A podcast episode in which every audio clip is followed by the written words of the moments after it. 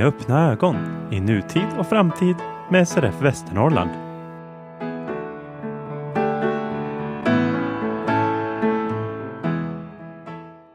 Hej och välkomna till avsnitt 3 2023 av podcasten Med öppna ögon. Jag som pratar heter Frida Kalander och som vanligt sitter jag inte själv utan jag har några parhästar med mig. Till höger sitter Peter Tjernberg God dag, god dag. och till vänster Kristoffer Tillin. God dag, god dag. Hej! hur, hur mår ni? Påverkas ni något av att det är ganska dystra nyheter just nu? Det är tungt på den ekonomiska fronten. Mycket blir dyrare i samhället. Vi har tyvärr ett krig fortfarande i Ukraina. Hur tänker ni kring det här? Jag tänker som Tage Danielsson uttryckte sig 1967 att man måste väga upp det här med livets små glädjekällor så kaffe och massarin väger upp dysterheten lite grann. Även om det inte räddar jordklotet så måste man ändå på något sätt fortsätta leva därför att då gör man också den totala mängden av sorg något mindre. Jag försöker att inte följa nyheter allt för mycket därför att det tenderar att göra mig mer deprimerad än vad jag bör vara. Så jag försöker istället fokusera mig på att eh, underhålla mig med, eh, med böcker och annat som jag vet har ett bra slut.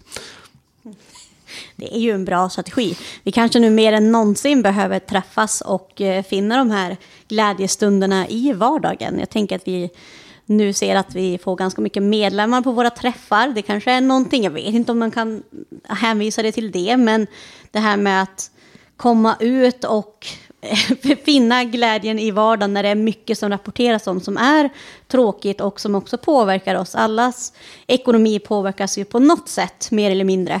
Eh, och vi måste tänka till på vissa saker. Jag vet inte, vad tror ni om det?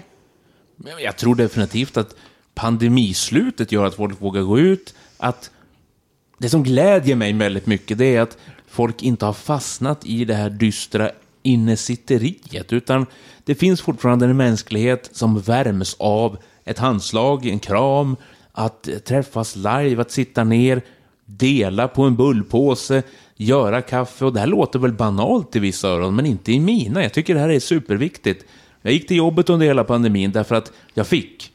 Som tur var, jag hade blivit vansinnig att sitta hemma och inte kom ut något mer tror jag. Jag blev satt på något, något annat eh, hospital. Men jag upprätthöll eh, garden, eh, höll den högt för att jag faktiskt fick gå på jobbet. Det var jag och en till där. Men herregud vad härliga fikastunder vi hade. Sen jobbade vi, ja, men det kunde jag göra hemma. Men inte det där sociala och det är viktigt, det är en beståndsdel i mänskligheten som är hyperviktig. Och den har vi nu sett efter pandemin, den har inte förklingat. I det här avsnittet får ni höra på en intervju med Andreas Pettersson, lektor i juridik med inriktning mot social rätt. Vi kommer djupdyka i färdtjänstfrågan. Ni kommer också få höra ett inslag från ukulelekursen som pågår i Härnösand varje vecka med ledning av Fredrik Lundström, vår kanslist, i samarbete med ABF. Ni kommer också få höra ett personporträtt av Anita Eklöf som har varit medlem i många år och också en funktionär under många år.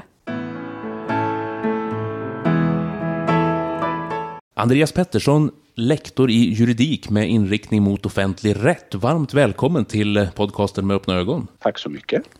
Vi har kontaktat dig för att prata färdtjänst ur en rad olika aspekter.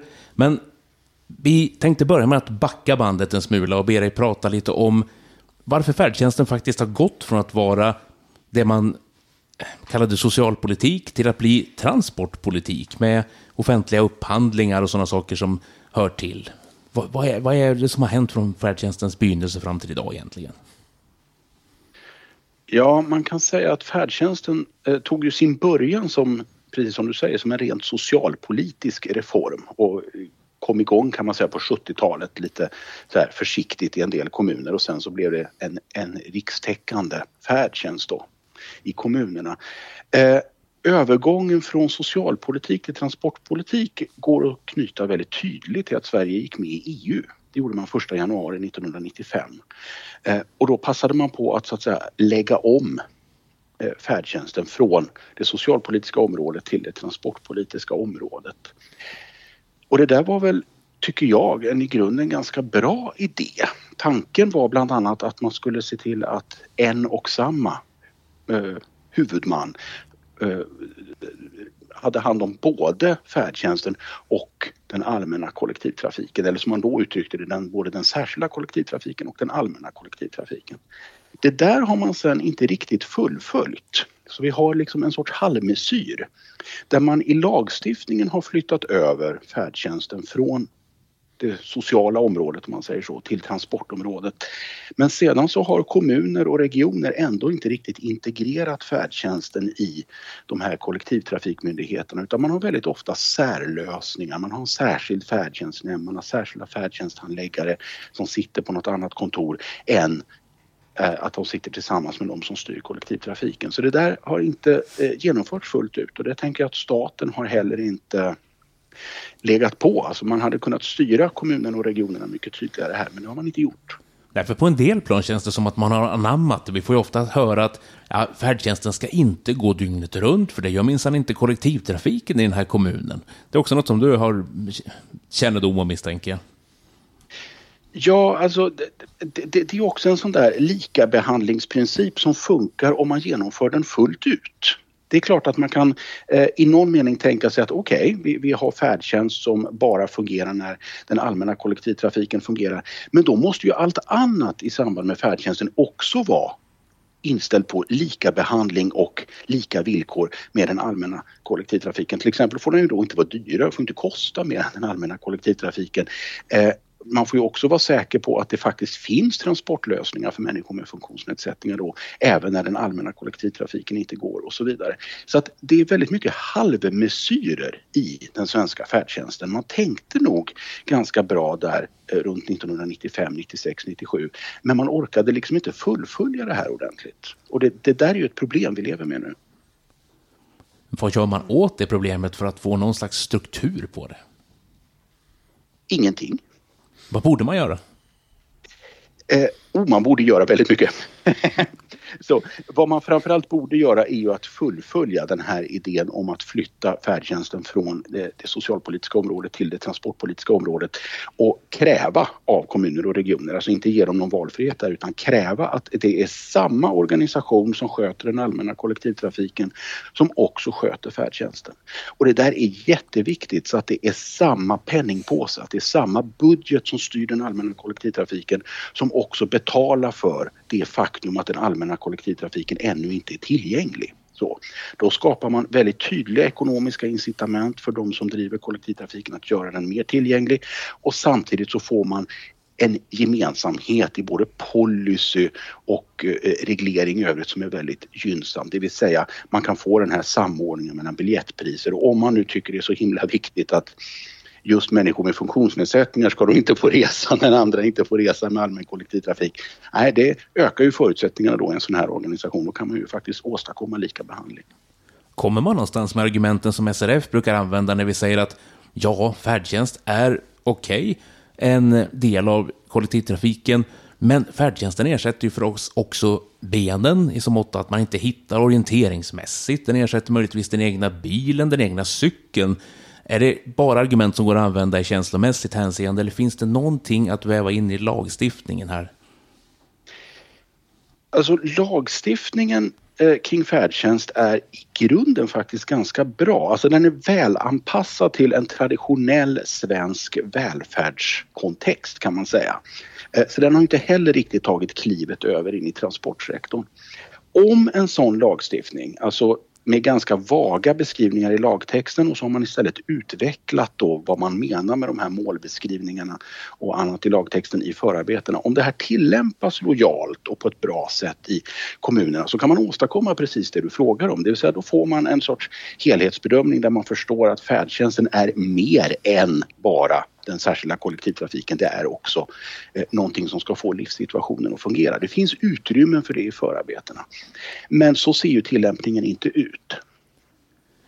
Någonting som också återkommer ständigt och jämt är pratet om att ja, väldigt mycket makt, väldigt mycket av vilken färdtjänst vi ska få. Det dyker upp i samband med upphandlingar och det tänker jag att vi ska gå in på och prata lite om. Det är också ett av dina specialområden, jag har hört dig prata om det förut. Hur mycket kan man egentligen gå in och påverka en, eh, ett upphandlingsunderlag inför att en sån här upphandling ska ske? Eh, teoretiskt sett så kan man påverka väldigt mycket. Alltså en offentlig upphandling börjar egentligen, kan man tänka på det som ett helt oskrivet blad. Alltså man kan tänka på en offentlig upphandling som väldigt tom från början. Sen finns det vissa rättsliga principer, de kommer mycket från EU-rättens håll, som man måste upprätthålla genom ett upphandlingsförfarande. Så man får eh, se, se, till att skriva fram krav och, och, förutsättningar på ett sådant sätt så att man till exempel inte diskriminerar olika bolag. Så. Eh, och, och, man får också tänka på att även eh, bolag som inte nödvändigtvis är svenska utan kommer från andra delar av EU ska kunna lämna de här anbuden och så. Men så länge man håller sig inom de här principerna så har man alltså oerhört stort handlingsutrymme. Kommuner och regioner är ibland, tycker jag, lite omedvetna om det eller så är de kanske lite, lite rädda. De vågar inte ta det här handlingsutrymmet men de har alltså ett stort sådant. Om man ska kunna påverka det här också Eh, och där kan man väl säga att ett generellt tips är att ju tidigare desto bättre. Ungefär kan man tänka att när avtalen sluts, då är det dags att börja gå in och påverka nästa upphandling. Så, det, det, låter nästan drastiskt men det är så man får tänka. Alltså, det är ganska långa tidsprocesser det här. Och när det börjar närma sig avtalsslut, om det då bjuds in till samråd eller någon diskussion, då är det alldeles för sent. Utan man måste vara med väldigt, väldigt tidigt i processen när de här villkoren sätts. Så man ska ha lång, lång framförhållning och då pratar vi ofta flera års framförhållning. Hur bör man agera då när man vill lägga sig i inför nästa upphandling? Man kanske är det upphandlingsmyndigheten man kontaktar och frågar när är det dags för det här och vad, vad tänker ni kring det här? Eller hur, hur gör man rent som en ideell organisation? Ja, man måste ju vara beredd på att vara jobbig, tror jag. Eller att snarare att uppfattas som jobbig. Och precis som du säger, eh, hela tiden ställa frågor, hela tiden vara tydlig. Och det här kan man ju också utnyttja sådana här kommunala funktionshinderråd och andra sådana här samrådsorgan till att framföra krav på att vi vill i god tid ha eh, veta när eh, upphandlingar kommer ske av eh, service, tjänster, sådant som är intressant för oss. Vi vill ha en tidsplan. Så kommunen eller regionen då, beroende på vem som sköter upphandlingen, de vet ju hur långa avtal de skriver. De vet hur långa avtalsperioder de har. Så ingår man ett avtal 2023 på tre år, ja då är det klart, då vet de ju att 2026 är det dags för en ny upphandlingsomgång och så. Så då kan, eh, det kan de tala om för organisationerna i förväg så kan man planera verksamheten utifrån det. Och sen ska man vara, tror jag, oerhört på. Och det är det jag menar med att man får nog vara beredd att uppfattas som lite jobbig. Man ska ställa frågor. Hur långt har ni kommit? Har ni börjat ta fram de här avtalsvillkoren? Så när tänkte ni bjuda in oss? När får vi komma med synpunkter? Om man inte blir inbjuden, skicka in synpunkterna i alla fall. Skulle jag säga. Och synpunkterna, hur pass preciserande kan man vara där? Om man tar vanliga problem inom färdtjänsten, i med det är tidspassning. Det är kanske förmågan hos en del chaufförer att hitta och sådana vardagliga saker. Kan man ens ta upp det i ett upphandlingsunderlag? Absolut. Det här är ju kvalitetsaspekter. Så man kan ju grovt sett dela in ett upphandlingsunderlag i kostnadsaspekter och kvalitetsaspekter. Och det här är ju kvalitetsaspekter. Eh, och kommuner och regioner de väljer själva hur mycket krut de så att säga ska lägga på kostnaderna. Ska vi ta det som är billigast eller vill vi ha någon som har bättre kvalitet men lite dyrare? Det där kan de styra helt. De måste vara tydliga med det från början. De måste tala om för de här företagen som ska ge anbuden att vi kommer till exempel att vikta kostnad och kvalitet lika eller vi kommer att vikta kvalitet framför kostnad eller tyvärr då, vilket är mycket vanligare, man viktar en billig dålig kvalitet eh, högre då än en lite dyrare och bättre kvalitet. Eh, så, men det där styr alltså kommuner och regioner över och det innebär att de också eh, kan skriva in ganska alltså, preciserade såna här kvalitetskrav så länge de är liksom tydliga och klara och relevanta för färdtjänsten och det är ju till exempel det här med tidspassning eller att den som kör bilen hittar. Sen finns det också en myt som säger att man måste alltid ge jobbet till den aktör som lägger lägst bud. Är det här sant eller är det en myt just? Det är sant om man bestämmer att det är sant i kommunen och regionen för det är kommunen och regionen som helt bestämmer de här villkoren. De kan som jag just sa alltså bestämma sig för att eh, i den här upphandlingen så ska vi alltså vikta kvalitet högst. Det är alltså den som har bäst kvalitet när det gäller tidspassning, bäst kvalitet när det gäller service, bäst kvalitet när det gäller att ha en modern flotta av bilar som fyller de här tillgänglighetskraven. Det kommer att vara avgörande för vilket anbud vi tar och så prioriterar vi ner kostnadsaspekten. Och så kan de också ge det här olika viktning. Så. Eh, det kanske känns kanske inte så ansvarsfullt för kommunen att helt släppa kostnadsaspekten. Kan man till exempel ha en 50-50 lösning? Vi kommer att titta till 50% på kostnad, alltså lägst anbud och till 50% på kvalitet. Eller 30% på kostnad, 70% på kvalitet. De styr helt själva. Så myten stämmer verkligen inte. Annat än om de bestämmer sig för att det ska vara sant. Så man preciserar just de här sakerna och förklarar dem för de som ska lägga anbud och då, då har man också rätt att göra det, även med EU-rätten och de andra aspekterna. I allra högsta grad har man förklarat i anbuden att det absolut viktigaste i den här, om vi, om vi nu tänker oss då en, en, en vi, vi låtsas att vi har en kommun som ska göra en upphandling av färdtjänst där. Eh, och så tänker vi att det absolut viktigaste för oss det kommer att vara att eh, ni företagen då som ska lämna de här anbuden att ni kan tala om hur ni kommer att säkra att kunna utföra de här uppdragen i tid, alltså tidspassning då, att folk ska kunna förlita sig på den här färdtjänsten.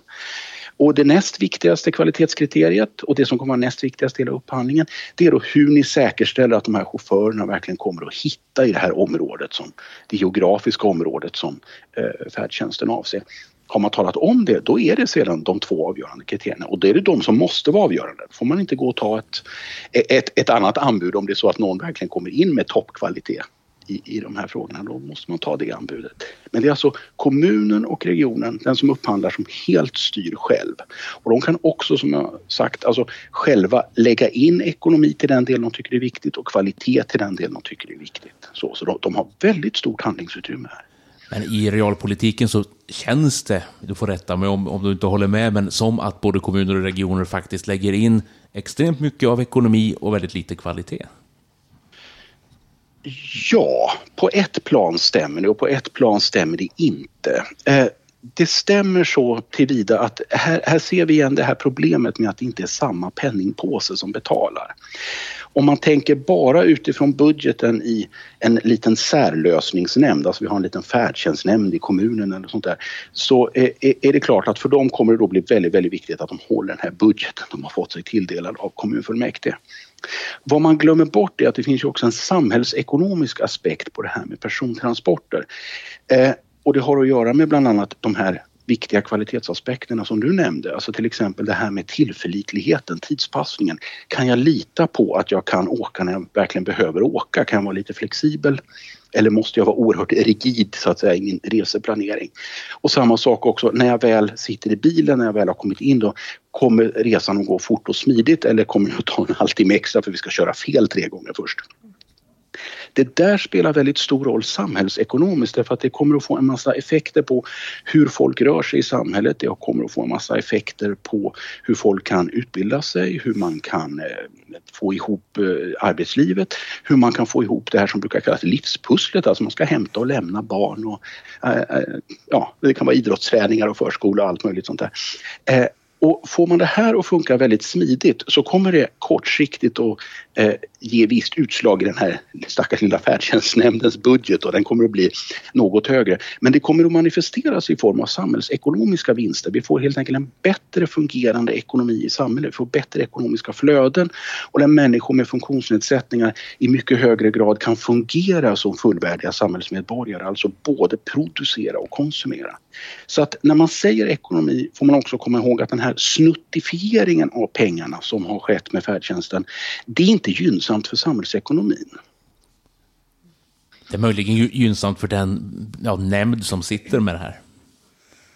Ja, som fast även de är ju kommunpolitiker och borde rimligen vilja ha en kommun där så många som möjligt kan utbilda sig, arbeta, vilja bo kvar och kunna ha liksom ett aktivt liv i samhället. Så att jag tänker till och med till och med ur kommunens synvinkel är det alltså inte optimalt att ha det här väldigt snäva budgetfokuset.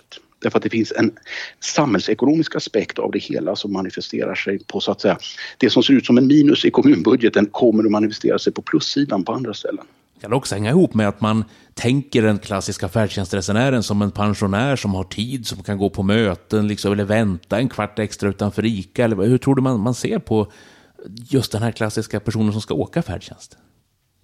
Ja, det där har jag tittat mycket på och eh, det där spelar jätte, jättestor roll. Och vi har ju en lite speciell situation kring färdtjänsten som eh, säkert många är väl medvetna om också. Nämligen att vi har en väldigt stor grupp av färdtjänstresenärer men som också är sällanresenärer och som motsvarar väldigt väl det här du beskriver. Man är ofta äldre, man, har ofta, eh, inte, man är inte längre aktiv på arbetsmarknaden och man har i hög utsträckning så är man mindre tidskänslig också och dessutom åker man som sagt mer sällan eftersom man inte behöver till jobb eller utbildning varje dag så kanske det blir ett mindre antal resor per vecka. Och sen har vi en ganska liten grupp i andra änden av spektrat kan vi säga. Eh, och det är ju de då som verkligen behöver färdtjänsten för att få sin vardag att fungera.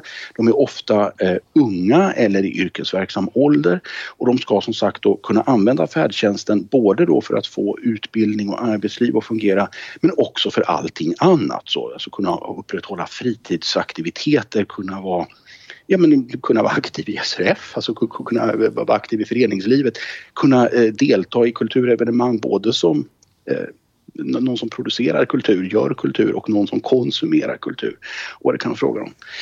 Eh, så tittar man på de här grupperna så ser man ju då den här stora och det kan vi lite slarvigt kalla det pensionärsgruppen då, eller äldregruppen eh, av sällanresenärer och så har en lite mindre grupp då av eh, generellt sett yngre då, ofta resenärer.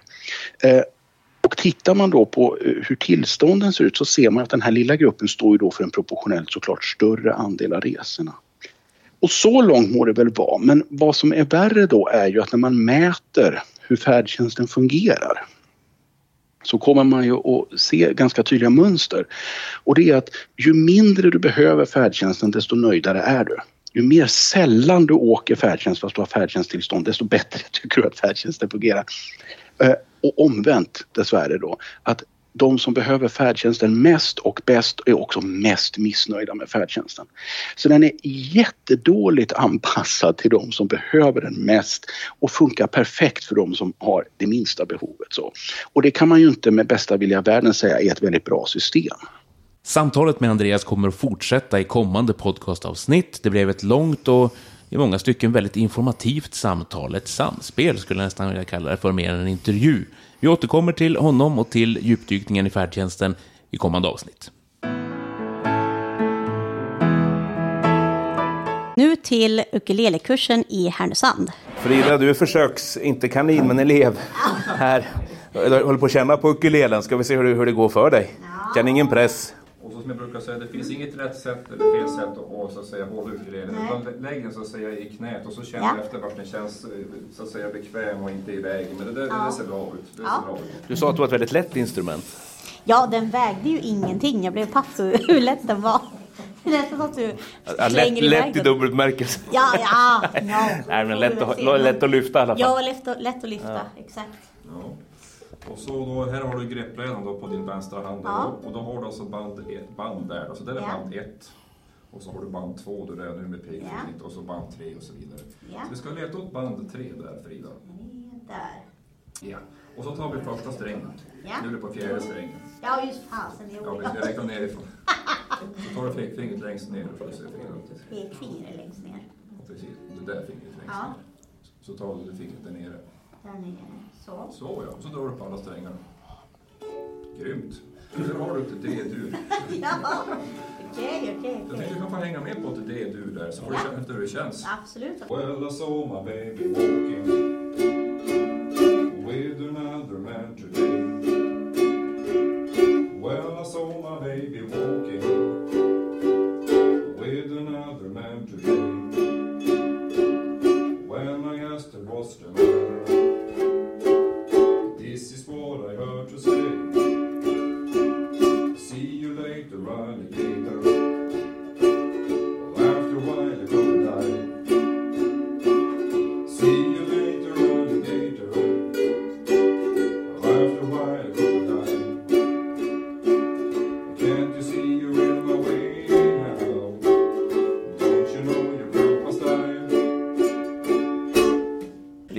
Bodén deltar i ukulelorkestern BUO, inte att förväxla med BAU som är Benny Anderssons orkester. Det här är de blindas ukulelorkester. Hur länge har du hållit på med det här?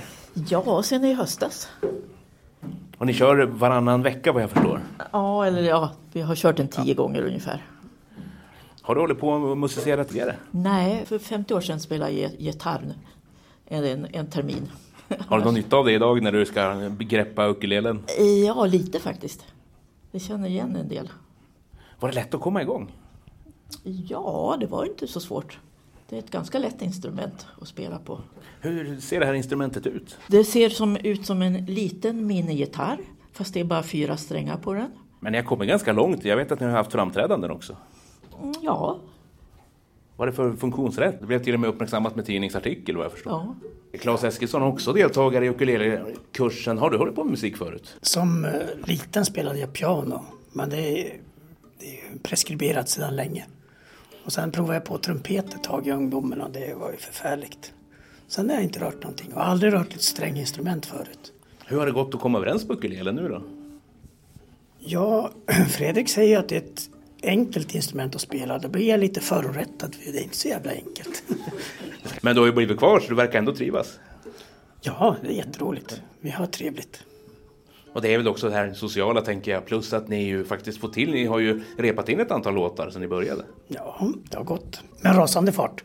Så vi väntar bara på världspremiären. Vi har ju gjort premiär här nu på SRF. Så, så sen, eh, det är därför vi valde BUO. Det kan du ju också ta på engelska. Blind Ukulele Orchestra.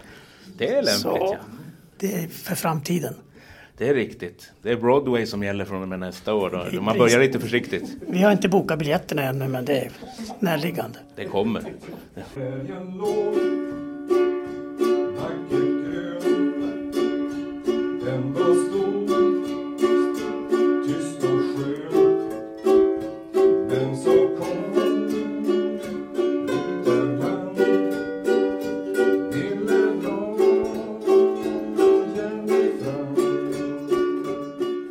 Magister då, Fredrik Lundström, till vardags också kanslist vid SRF Västernorrland. Visst, det är din idé att starta upp det här? Ja, eh, både och ska jag vilja säga.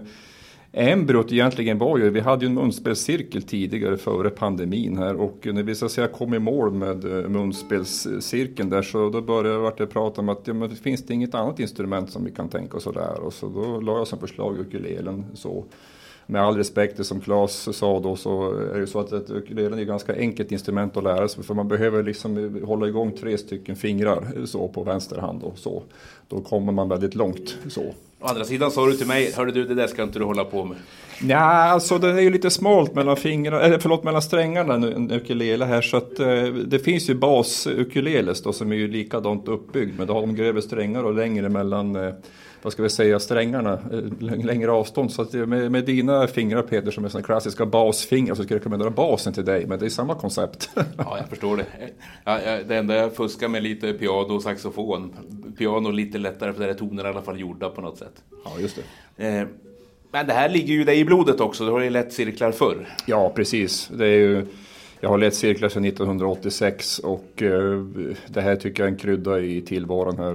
Det, det, det, det är väldigt roligt här att eh, så att säga kunna komplettera eller kombinera sina kanslisystem med liksom en sån här studiecirkel. Det är en krydda i tillvaron, det är verkligen roligt faktiskt. Och, eh, det är ju det här jag egentligen vill hålla på med men eh, så att säga mina fysiska förutsättningar var ju inte sånt som vi kan hålla på med det hela tiden utan eh, nu får jag göra det i den här omfattningen istället och det är väldigt roligt. Vad säger du om dina adepter här? De går framåt. Absolut, absolut. Vi har haft en bra utvecklingskurva tycker jag. Det var precis som att det lossnade efter två ackordslåten när vi började med tre ackordslåten. Det var som att det lossnade så. Så att, eh, nu har vi faktiskt varit känt på fyra ackordslåtar också där så att eh, vi är på gång. Så att jag ser stor utvecklingspotential i våran orkester men vi skulle gärna vilja se fler som kom och spelade med oss. Och som jag brukar säga, det viktigaste är inte att man kan spela sen tid. Det viktigaste är att man vill, att man kan lära sig och lägga ner som sagt lite tid på övning. För det är det som behövs. Så att, eh, alla som känner sig sugna på att börja, så hör av er till mig så ska vi se vad vi kan göra för någonting. Och här är det samverkan. Vi är inne i ett, ett sånt där projekt då, som ABF kör med musikcirklar då. För eh, folk som kanske inte kommer i kontakt med studiecirkelverksamhet i vanliga fall.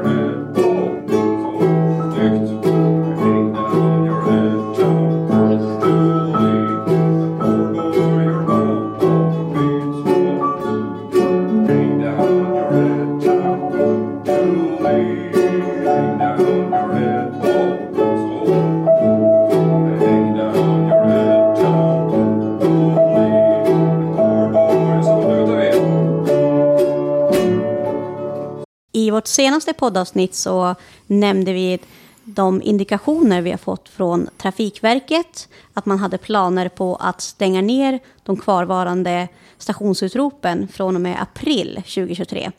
Nu kan vi berätta att vi har fått det glädjande beskedet från vårt riksförbund efter deras möte i februari om att man tänker låta de här stationsutropen vara kvar. Det känns ju hur bra som helst. Vad säger ni andra?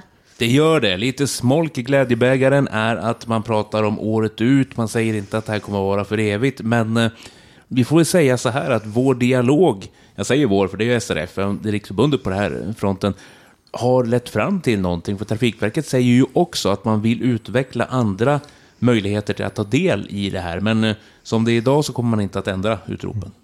Ja, och jag finner det också väldigt glädjande att indikationerna är att eh, Trafikverket också har insett att den här webbsidan de utvecklade, Mina tåg, inte är en tillräcklig ersättning för utropen, utan nu pratar man om att man måste göra mer alternativa lösningar för att kunna komma till den punkten som de tidigare sa skulle täckas upp av Mina tåg.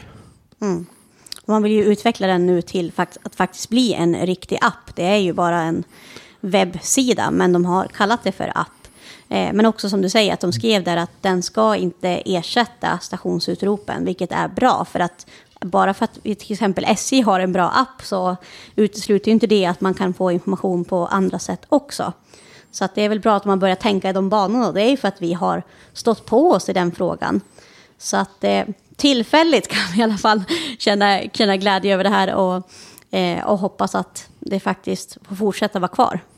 Nu, mina vänner, är det dags. Årsmöte med SRF Västernorrland 22 april. Det är en lördag. Vi samlas på Härnösands folkhögskola som så många gånger förr. Lunch står till buds och sen börjar mötet klockan 13.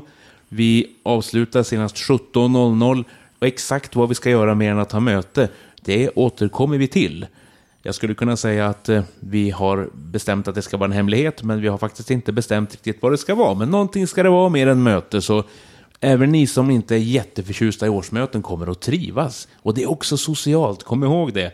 Anmäl ert deltagande till kansliet på de kontaktuppgifter som kommer i slutet av avsnittet. Nu till personporträttet med Anita Eklöf. Vi träffas ju för att du har gått och stad och fyllt jämna år. Om vi inte ska berätta exakt hur många år så kan vi ge en ledtråd genom att säga att du är född den 19 februari 1953. Så långt stämmer det i alla fall. Är du född i Sundsvall? Ja, jag är på Bresan egentligen. Mm, Bredsand. Vi bodde där då när jag föddes hos min farmor och farfar. För på den tiden fick ju inte, fick ju inte sönerna flytta hemifrån. De hade blivit myndiga eller gjort lumpen. Och pappa fyllde väl 20 han och så mm, gjorde han lumpen. Så sen flyttade de till egen lägenhet. Och är du förstfödd bland syskonen eller hur är det med det? Ja, För det blev ett antal syskon sen. ja vi var tre. Men en dog ju hon var 39 år 1999 i cancer. Så det var min bror och jag kvar. Eh, Hur var det att växa upp på 50-talet? Vi pratade innan om att det började tidigt att springas hos ögonläkare och annat med dig. När jag var tre månader så upptäckte min mamma att ehm, jag hade ett födelsemärke på vänster ögat och det började växa. Så hon kontaktade ögonläkaren då. Och då bestämdes det att jag skulle göra en, eh, vad heter det, radiumstrålning i 20 minuter. Och hon hade ju varit sköterskeelev tidigare men hoppade av då när jag föddes så hon tyckte det var för mycket men på den tiden vågade de ju inte protestera utan jag fick 20 minuter. Så synnerven har fått en skada där på vänster öga eller den är avbränd säger de. Genom den behandlingen. Ja, vi tror ju att det är det men det går ju inte att bevisa så långt efteråt. Så det öga har jag haft problem med hela tiden sedan jag föddes. Att jag såg ju nästan ingenting första åren på. Och så fick jag lappträning för jag skelade så väldigt. Så då fick jag ju anstränga det öga. då. Men eh, ja, sen har jag gått på ögon. Det är nu när jag blir vuxen och behöver gå på ögon som inte man får tid att komma. Det var nio år emellan här två gångerna nu. Ja, för du har ju en rejäl synskada egentligen. Ja, jag får ju inte köra bil. Och eh, jag brukar säga så här, när jag är med er vänner i, i, i SRF då tycker jag att jag ser bra, men när jag är med fullt seende då, är, då ser jag nästan ingenting. Det blir kontraster där. Ja, precis. Jag är mittemellan på något vis. Men eh, man lär sig att leva med det man har, eller hur? Ja, man hittar väl strategier misstänker Ja. jag. Men hur var det att växa upp då? Hade du strategier då? Fattade folk att du såg sämre? Hur gick det i skolgången till exempel? Ja, det var lite knaggligt från början för jag hade ju påssjuka när skolan började. Så jag kom tre veckor efter de andra hade börjat. Och, eh, jag hade ju lärt känna min lärarinna men jag visste inte att det var hon som skulle ha min klass. Vi bodde grannar, jag var ett hus mellan. Och eh, hon trodde att det var något fel på mig om för att jag sa att jag såg inte. Vad står det på tavlan? Och man skulle ju läsa i böcker, det var ju för liten stil och sådär. Så att, då fick jag ju en test. För jag hade två kompisar som hade gått om ettan. Och de gick i min klass och vi fick göra samma test allihopa. Ja, jag klarade ju testen. Men eh, de markerade ju dem att det var ju synen som var problem. Var det något intelligenstest då? Ja. För att de tänkte att, att du var dum? Eller? Ja, att jag hittar på. Men då fick jag ju någon slags kikarglas då som det heter. Det är väl så ungefär samma optik som det är till de här vi ser på TV. Som jag har, sån här tjock. Liksom, då fick jag ha på höger öga. Och så, vad heter det, knepiga bågar på. Det hade jag hela grundskolan. Så fort jag skulle se på tavlan då, då fick jag ta på mig dem där. Och så läste jag vad det stod och så ta av mig dem för att kunna skriva på papper. Så det var ju mycket jox och koks innan man var klar liksom. Och skulle man se på filmer och sånt där, då skulle jag ha den där då. Och den tog ju plats i fickan att bära på. Men det gick ju bra. Hur kom du i kontakt med synskaderörelsen sen då? Var det också i barndomen eller kom det i vuxen ålder? Ja, jag tror att det var Ellen Al- Jo, nu kommer jag ihåg hur det var. Min mamma gick sjuksköterskeskolan sen när jag hade fyllt 16 år, så var det. Och hon kom i kontakt med Ellen Alberg. Som var ko- sy- synkonsulent kan vi Ja, säga i hon var höll föredrag för de här eh, studenterna som vi säger. Och då hade de väl pratat om syn och sånt och då hade mamma pratat med henne så Ellen hörde av sig till mig. Så var det att jag kom in. Hon skrev in dig mer eller mindre Ja, föreningen. så fick jag ju träffa henne och, och, och sådär då. Och sen var det något möte på eh, jag vet inte vart vi var egentligen, men det var blandat. Och så var jag på en fest till ute i Njurunda och det var väl typ samma folk. Men då märkte jag ju att jag var ju för ung för att vara med, med gamlingarna. Var det väldigt mycket äldre då också i Ja, det föreningen? var det faktiskt. Men sen, eh, nej, sen eh, nej, jag hade inte några större kontakt med dem egentligen. Men sen blev du indragen i styrelsearbete och valberedningsarbete inte minst. Ja, Var det SRF Medelpad du började med på, på 80-talet där eller vilken tid nej, kan, kan det ja vara? det var det nog. Hur var det att vara med där då? Du blev värvad till styrelsen. Mina barn var inte så gamla då och det drog ut på tiden. Och, och var när Ellen var ordförande. Då. De hade ju ingen brådska hem. Ingen hade en brådska på den tiden. Och när vi hade mötena på eh, årsmötena på Aveny och vi var väl på lite olika lokaler. Då var det avbrott för middag. Och så var det avbrott för kaffe. Och ibland så gick man hem, man orkade inte vara kvar. Svårt att kombinera känns det som. Ja, det vart liksom, eh, jag tror på, den, på det viset så vart väl mera liksom att eh, man orkar inte vara med för de här gamla de trivdes ju att vara tillsammans. Det, var, det vart lite PRO med förhandlingar kan man väl säga. Så jag gjorde ju avbrott i omgångar liksom. Men sen har du gjort, eh, jag höll på att säga påbrott, men sen kom du ju tillbaka igen. Ja. Inte minst som valberedare, men det kanske var på lokalföreningen då, Slut- SRF Sundsvall. Ja, slutet av eh, 99. 2000 där började jag väl vakna upp igen. Då var jag valberedare många år. Har du några stora minnen från det där jobbet eller händelser inom SRF som du tycker, ja men det där var kul att vara med på eller det där var konstigt att vara med på? Du har träffat ett antal personligheter misstänker jag och upplevt en del andra saker. Ja, vi hade ju, jag bjöd in faktiskt, i, jag vet inte hur ofta vi hade det, men då bjöd jag in folk ifrån SRF. Vi satt ju och sjöng och spelade på Frälsningsarmén där jag jobbade. Det, det ingick i mitt jobb och, och med alla kategorier också. Precis, och jobbet ska vi återkomma till, Ja. absolut. Ja, men det, det, tycker Ja, jag. men det hade vi. Så här när man börjar tänka efter, man, man blir så tänkande när man fyller år, vet du, hur det var och så där. Man har ju hunnit med en hel del. Men just det där att jag brydde mig om SRF, då, det var ju liksom, vart ju naturligt det. Och sen har vi haft en del årsmöten bort på mitt jobb också då, som jag hade. Mm, på Frälsningsarmén i- i ja, Laxta, ja. Ja. Så att eh, jag har kunnat liksom smyga in lite handikappgrejer kan man väl säga, eller funktionshinder. Och, och det har varit normalt. Och du har också representerat SRF i kommunala funktionshindersrådet. Vi har suttit där tillsammans i Ja. fyra år åtminstone. Ja, det har vi va. Så. En hel del i alla fall. Det Var väl, jo men var suttit så pass de har bytt ordförande tre gånger. Va? Vi har slitit ut dem allt Ja. eftersom. Ja. Men det känns ändå som att SRF har gett dig någonting tillbaka då. Eh, eh, För att du Ja. har gett SRF mycket engagemang också. Jo men det tycker jag fungerar bra. Det som var jobbigt var väl att vara i valberedning för man fick ju slita ganska ont för det hände ju faktiskt lite episoder att de ringde till mig ganska sent på kvällarna. Det var ju flera stycken som ringde ibland att nu går jag ur SRF eller styrelsen går jag ur för nu har hänt det och det har hänt. Och så tänkte man liksom att ja, men, jag kan ju inte rädda hela SRF. Men jag är ju valberedare så jag har ju ett ansvar att se till att det ska fungera. Tre gånger hände det medan jag var valberedare att de ringde. Det fanns motsättningar då i Ja. SRF-distriktet Och i Medelpad. De hade ingen styrelse fram till årsmöte. Utan dagarna före då kunde, då kunde ordförande ringa och säga att jo men det blir en styrelse för den personen kommer inte med. Så det var mycket personmotsättningar. Och det tycker jag inte om. Nej, det är sorgligt, men det, ofta Ja. blir det verkar som att det blir det. Och så Ja. fort man är mer än en person så kan det bli stridigheter. Och det, det är ju inte bara för oss som är, ser dåligt utan det är ju i det normala.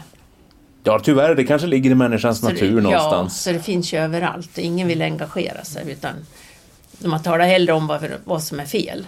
Men du har fortsatt att engagera dig. Du är med i SRF Sundsvall idag. I styrelsen där. Ja, jag har nog varit med en hel del. ja, jag vet inte hur länge jag har varit Jag har sett det flera mandat. Vad tror du om SRF framåt då? Hur, hur kommer det se ut om tio år? Finns, finns vi kvar höll jag på att säga. Det var en dyster fråga, men, men vad tror du om utvecklingen? Jo, men det tror jag. Och nu kommer det ju yngre som, vi har ju sån ung ombudsman och som verkar framåt. Och det, det jag är orolig för egentligen det är att det här digitala ska gå så fort för jag känner att jag hinner inte med hela tiden. Liksom. Eh, eh, det var ju som Josef sa åt mig på, på telefonkursen, du ser för bra egentligen, sa. Då blir det jobbigt att hitta rätt på telefon liksom. Om man ska bråka, ska jag lyssna på det här eller ska jag ha förstoring? Det är den motsättningen som kommer kanske. Ja, ja det blir lite sådär. Ja. Men eh, det går ju åt väldigt mycket energi att inte se följt. Det, det känner jag ju. Man blir ju fort tröttare. Att läsa en tidning. Jag har papperstidning fredag, lördag, söndag. Jag tar över två timmar innan jag läst tidningen färdigt. Då har jag både glasögon och så har jag förstoringsglas. Är det de här sakerna som är svårast? Mm. Att se så pass ja, dåligt som du gör men ändå bra jämfört med många blinda? Ja. Att, att ta del av sånt material eller orientera? Det- Hur fungerar det? Orienteringsmässigt på stan eller runt om? Ja, klart det har ju hänt. Man har klivit i en massa vattenpölar och gropar och sånt där. Innan jag fick färdtjänst så hände det nog ganska många saker. För att då, då faktiskt satte jag upp till kommun när jag sökte att ja, antingen så går jag ur föreningarna för jag kan inte sitta med någonstans, så jag, för det är mörkt när vi träffas. Eller åtminstone man ska hem, för då var ju mötena på kvällarna jämt. Och då hände det att när jag skulle kliva på bussen så klev jag i vattenpölar på hösten. Jag såg, det låg ju löv över. Och då tyckte de att så bedrövligt borde det väl inte vara för jag skulle vara, vara med i några föreningar. Eller, då fick jag ju färdtjänst. Nej men det är ju inte bara Alltså min synskada, om vi ska återgå till den, så har jag haft mycket inflammationer på ögonen och det visar sig att jag har en reumatisk sjukdom som heter Bergström. Och den har jag väl haft sedan jag var liten. Och eh, det slår sig, då slår det sig på bindhinnan och på, eh, vad heter det, regnbågs Hinnan? Ja, så det blir inflammationer. Och det har de ju inte vetat att det hört ihop förut. Men nu har de ju forskat så de vet ju det. Ska vi hoppa in på ditt jobb? Du pratade Mm. själv om Frälsningsarmén men jag misstänker att du har gjort många fler saker. Du har varit ute i arbetslivet länge. Ja, jag var ju hemma länge med mina barn. Då. Eh, jag var hemma till Linda var fem år i alla fall, så jobbade jag bara kvällarna. Och jag gjorde en grej att jag började städa på Sundsvalls sjukhus och så här efteråt så kan jag inte fatta att jag gjorde det för egentligen såg jag ju för dåligt för att hålla på. Men de berömde mig överallt, de klagade ju aldrig på min städning. Så att, och då var det en kompis till mig som följde med mig på, jag skulle bli omplacerad för jag gick barnskötarutbildning ett år. Och så jobbade jag bara på loven på sjukhuset på min tjänst. Och då sa hon, där hon att hon såg när jag hade varit för henne, för jag gick in, jag var i, tillhörde poolen. Så jag hade andra, jag var avlösare på vissa avdelningar. Så jag hade alltid två avdelningar i veckan som jag visste jag skulle gå på. Och så helgerna då, när jag jobbade. Och det är klart, jag kände ju till alla områden, hörn och vrår och allting liksom. Och eh, då sa hon till den där, hon som har omplaceringen på sjukhuset att när jag har städat för henne, det såg hon på en gång hon kom in på sitt städområde. För det var blanka kranar, ingen gammal tvål under tvättställe och sånt. Ja, men man använder ju sin känsel då, där man inte ser. Det är bara Och man kanske också lägger ner extra energi Ja. för man vill bevisa för sig själv Ja. och för andra att kolla, det här funkar ju faktiskt Ja. även om man inte ser fullt ut. Ja, det här kan ju jag. Ja, men jag har ju suttit och iakttagit de som städar nu. Alltså, skulle jag ha varit då, då har de ju fått sparken. In med, ja, men liksom, ja. Nej, men vi fick ju gå kurser så att de såg att vi kunde utöva. Ingen fick ju börja jobba för man gått kurserna. Man var ju legitimerad smutsjägare. Men jag trivdes ju väldigt bra. Det gjorde jag ju och jag vart ju där i åtta år. Och sen då så fick jag ju näthinneblödning. Och så fick jag ju gråstarr. Och jag vart sjukskriven. Sen vart jag erbjuden att jobba på nykterhetsrörelsen ett år. Och det var ju paradiset. Det, var jag instruktör och det var ju roligt. För det gjorde ingenting att man var fumlig och drömlig. Jag åkte pulka och såna grejer. Vad innebar det att jobba som instruktör i nykterhetsrörelsen? Ja, det var lite roligt. Vi var två stycken, en som hade varit många år då, och så jag. Och så började jag på hösten. Och eh, de hade ju barnverksamhet och juniorerna kallar de sig för då. Och eh, jag fick ju reklam för det där så jag får ju ut och på skolor och så där. hade jag med mig en film. Och jag minns så väl när jag var i Matfors så säger ungarna Men det är du på bilden, så. det är du på filmen. Nej, så det är inte jag, det är någon annan. Så. Jo då, det är du. Och de, de var intresserade. Så de gick med de där ungarna. Så den här kompisen min hade den där gruppen i flera år, även sedan jag slutade. Och jag bildade en grupp i Njurunda. Och den höll bara det år jag hade då. Det var ju bara ett år jag jobbade. Och så Sen ringde de ifrån Klippangården och sa att de behövde en personal till. Vad var Klippangården då? Och, och, Det var ett, eh, de, höll på och gjorde stödboende för missbrukare. Att de ska eh, sluta med droger och, och sprit och fara på behandling. Och då behövde de ha hjälp i köket för hus, hon som hjälpte husmor hon slutade. Och där vart jag i tio år.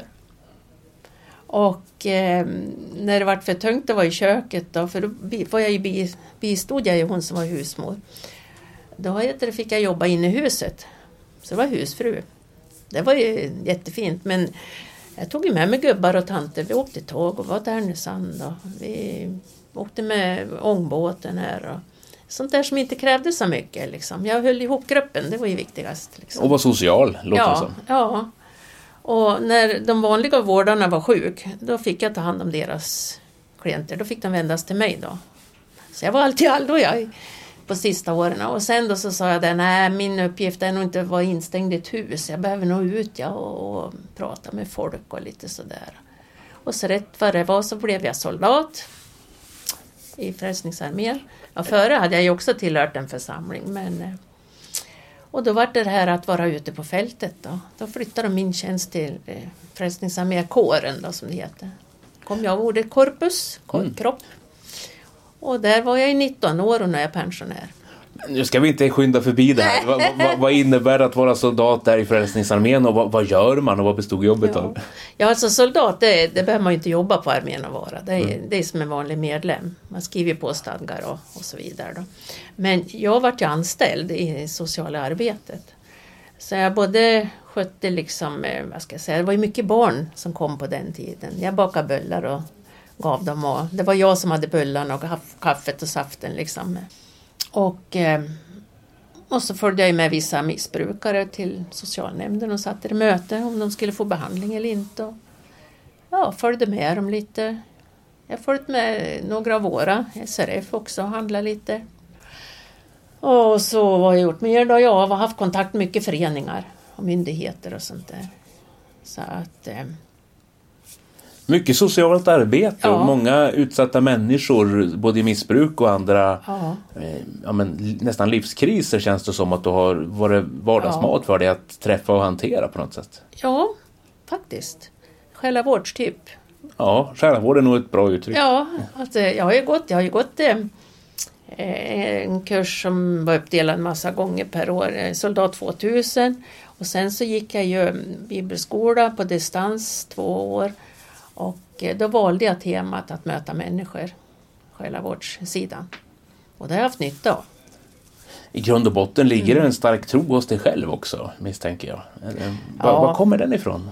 Ja, från Gud. Nej, men alltså det är ingen i min familj som har varit. Mammas eh, farmor, hon var pingstvän. Hon överförde väl lite grann och morfar var ett sånt där bönebarn. Men ingen har liksom engagerat sig som jag har gjort eller utan eh, gått in i någon församling utan varit liksom svävande sådär. Men har det varit det från barndomen, en slags barn, barnatro eller har det kommit eh, mer och mer sådär? Att du har sökt dig dit? eh? Jag tror ju att jag var sökt av Gud själv ja. Alltså, För vad än jag gjorde så var det ju liksom den där kristna biten som kom. Vad ska jag säga? De har varit lite småstolt ibland föräldrarna mina att jag har varit i Frälsningsarmén.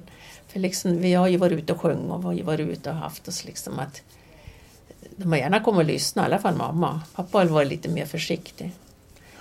En, väldig gemenskap också tror jag, tänker jag inom Ja. den eh, hela rörelsegrenen också. Ja, vi kan säga så här bara om nu min födelsedag nu som du sa att i lördags då kom ju Ja, vi var 14, utav dem var det väl nio från Frälsningsarmén.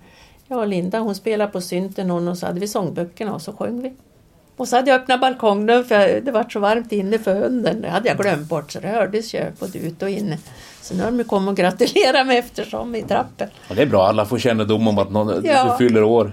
Ja, men just det här att eh, jag har ju bestämt med två tanter i trappen som bor på våning ett. Att, för vi fick ju en kille som var ganska full här eh, för några veckor sedan. Han hade åkt på fel buss. Han skulle åka ettan till Bergsåker.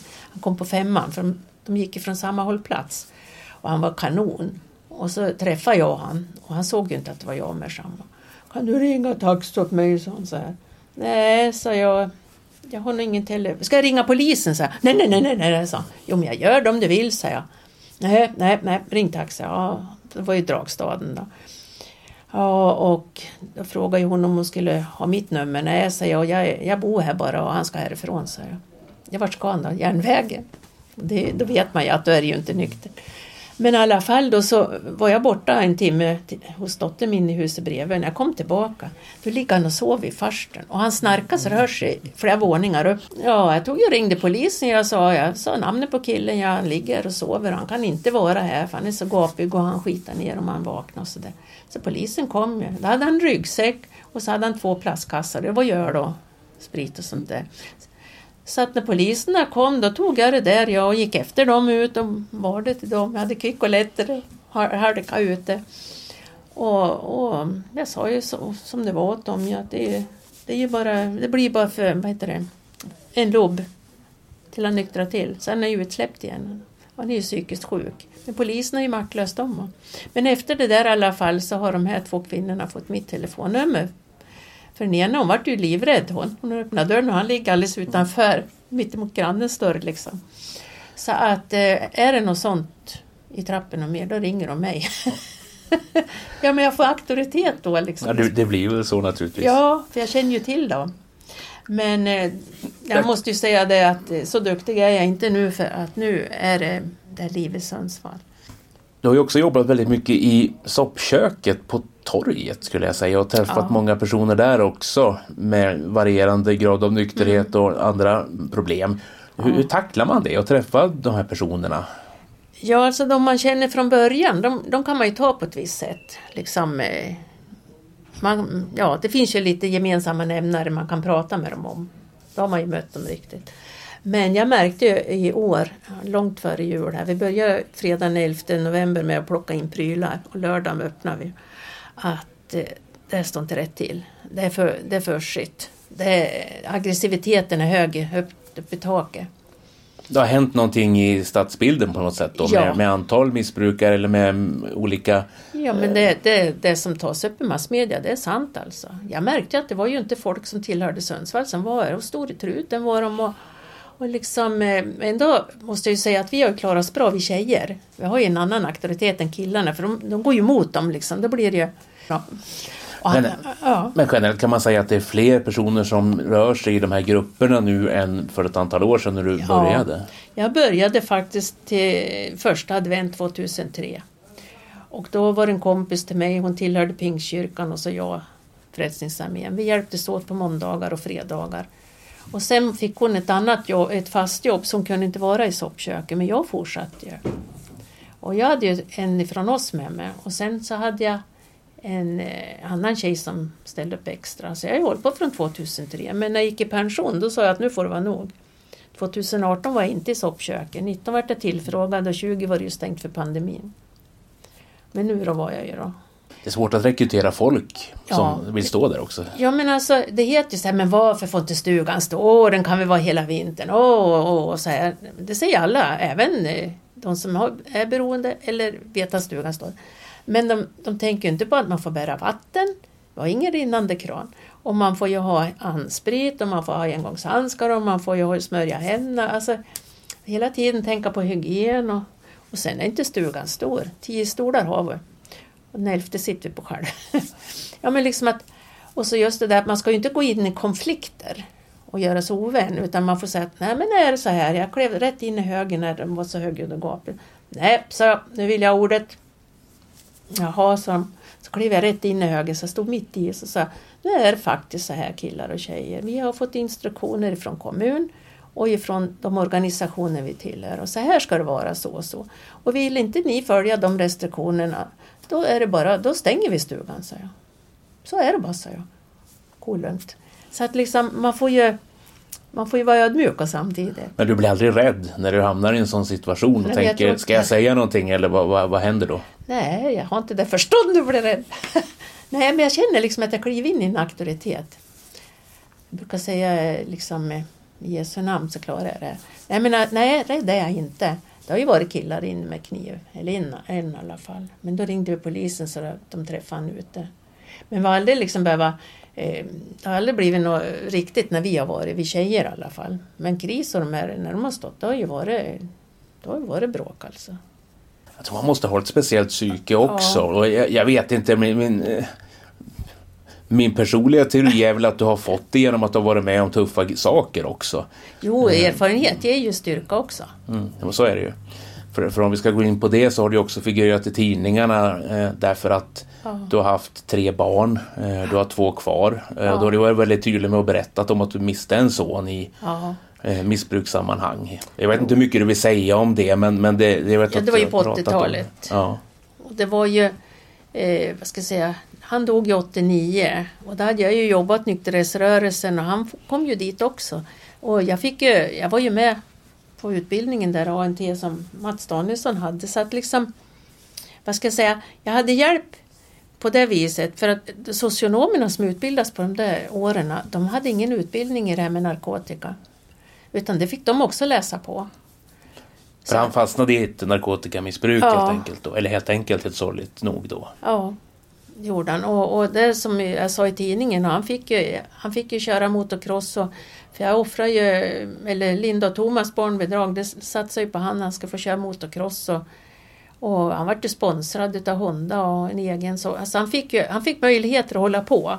Och det är det jag menar liksom med, med det där reportaget att trots att man får möjligheter att hålla på så blev drogen starkare. För han hade börjat han började i den vevan, det vet ju inte jag riktigt.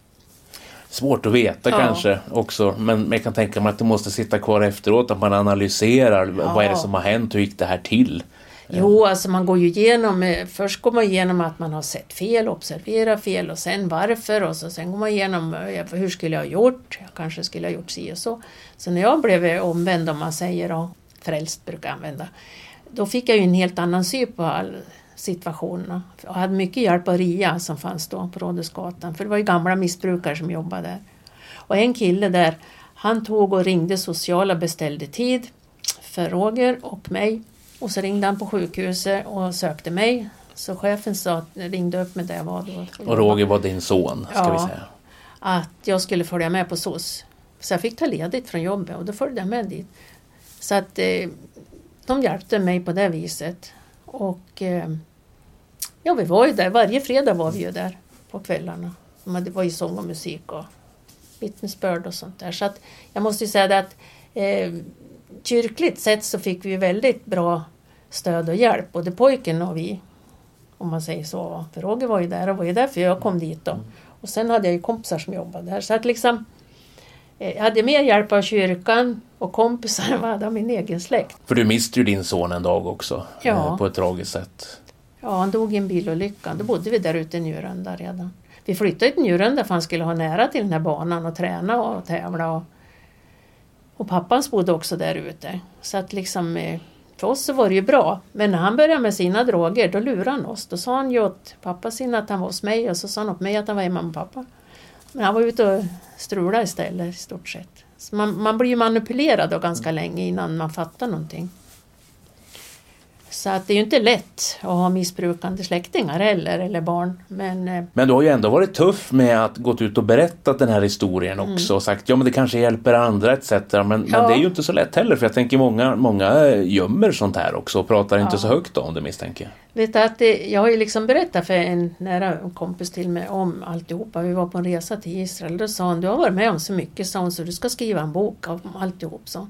Ja men det är så jobbigt att skriva böcker. Så. Ja men jag kan hjälpa dig så. Och hon var sekreterare i KD så hade hon sagt på, på mm, något möte där att jag har en kompis och så hade hon sagt, ja hon hade inte berättat vem jag var. Och hon skulle behöva skriva en bok och jag är beredd att stötta henne så. Men det har jag liksom förträngt. Men då när, mm, när jag var på, jag är med och ordnar den här ljusmanifestation varje höst, första november.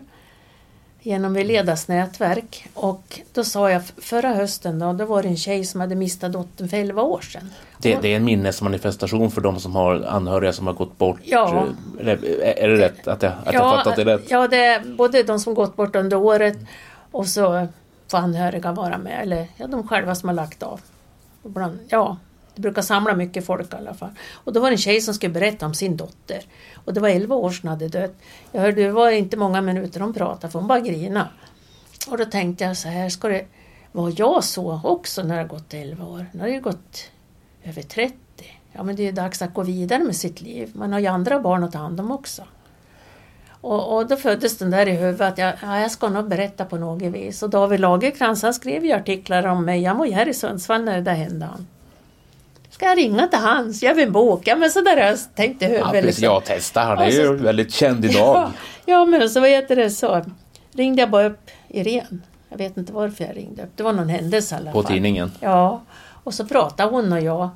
Och så sa så kom det där att hon skulle skriva om mig och så kunde vi kunde, eller om händelsen som förälder eftersom det här var om vapen och, och eh, skjutningarna. För han vart ju skjuten Roger. Det var det vi började prata om. Han vart ju skjuten han 87 eller 88 så, i benet flera gånger så de opererade han ju över en natt och jag, genom att han fyllde 18 år fick inte jag veta det. Men det var en som bodde granne med mig som jobbade på operation. Hon talade om det på morgonen. Eh, när jag skulle gå och jobba. För då kom hon hem. Hon hade ju jobbat då, och då talade hon om det där så därför visste jag att han låg där. Så det var ju bara att gå dit och söka upp honom. Så mycket missade jag när han fyllde 18. Före fick jag alltid utdrag, utredningar från polisen och allting. Liksom. Jag gick på alla rättegångar. För det var ju försök till stöld om man tog sig innanför dörren eller stöld när man var utanför dörren. Det lärde jag mig på Ja, rättegångarna. det är ett helt annat liv som öppnas på något sätt när man, när Ja. man kommer in i något sånt där känns det som. Ja, ja men liksom, jag var med på, jag var med på det värsta, eh, om man säger så. Och, och jag har ju klarat av det tack vare min tro. Då. Och jag tycker det att när jag var med, jag var med i föräldraföreningen när det var som värst, så kände jag så här att jag klarar inte av att vara med i den, för alla tyckte så synd om sig själv. Och de tog sömntabletter för att de skulle kunna sova. Och det, ja, men så jag, jag ska inte våga ta en sömntablett, så jag, för jag vill ju veta när han kommer hem. Ja. Jag vill ju veta. Det vet jag ju inte om jag sover och sömntabletter. Och det ena versionen efter den andra. Och sista gången jag var på ett möte där, då sa jag till ordföranden, ja jag får tacka för den tiden jag har haft här, sa jag, men jag kommer inte tillbaka något mer. Så det gjorde jag inte heller. Ja, du hittade andra strategier. Mm. Ja, jag tyckte att det Och- var för det vart nästan, och sen började de att gottas åt det, det här med Roger, då, att han var tagen av polisen, fiskeresan i Stockholm och ja, lite av varje. Utan man ska inte gottas åt andras olycka utan man måste ju ge varandra råd och stöd. Det var ju det föreningen var till för. Ja, och sen tänker jag också hur man efter att det faktiskt har hänt att han, ja, att han har omkommit och så vidare, vad, hur man går vidare där och jobbar med det. För på något sätt så måste man väl göra det och det måste ta tid. Jo, jag hade ju fördelen att jag jobbade på Klippan. Det var ju min räddning, att jag jobbade med folk som, som begrep någonting, om man säger så. Själva livet återvänder allt Ja. eftersom. Ja, och så får man ju ta en dag i sänder. Det är ju så i det här tolvstegsprogrammet också att eh, de är, man ska ju erkänna att man är beroende av det och det, om det är mat, dryck eller spel eller vad det är.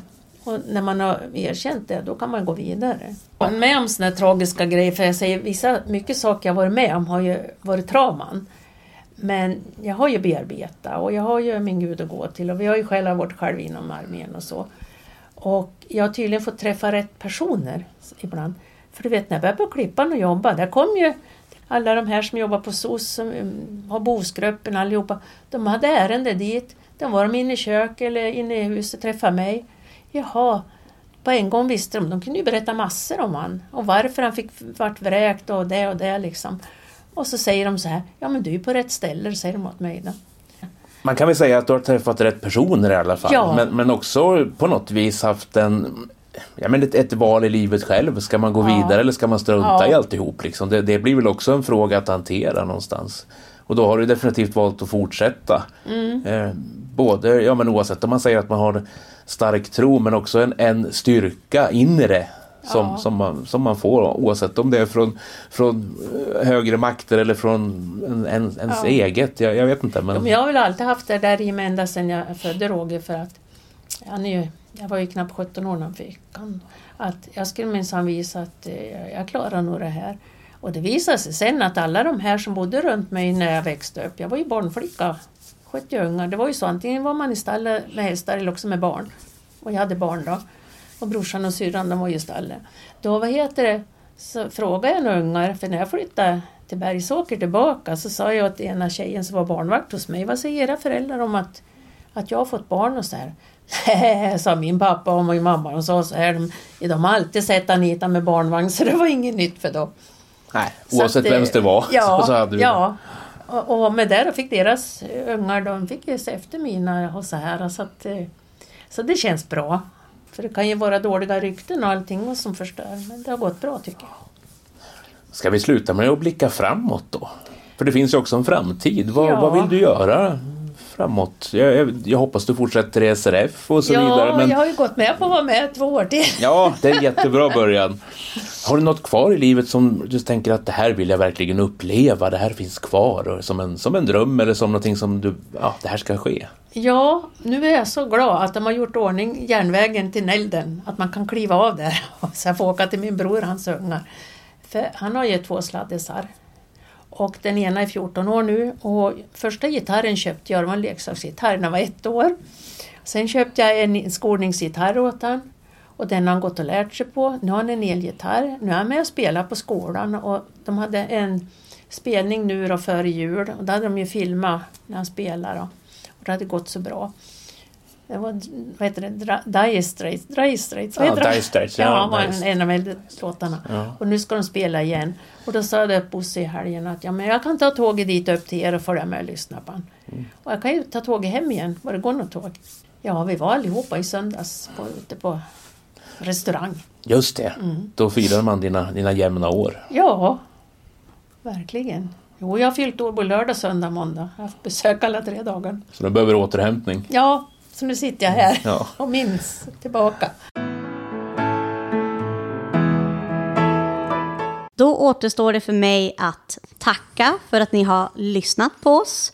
Och ännu en gång påminna om att vi gärna vill höra ifrån er med tips och idéer på inslag eller om ni själva vill vara med i vår podd. Och ni kontaktar oss på mejlen vastenorrland srf.nu eller till mitt jobbnummer på 076 539 9225. På återhörande.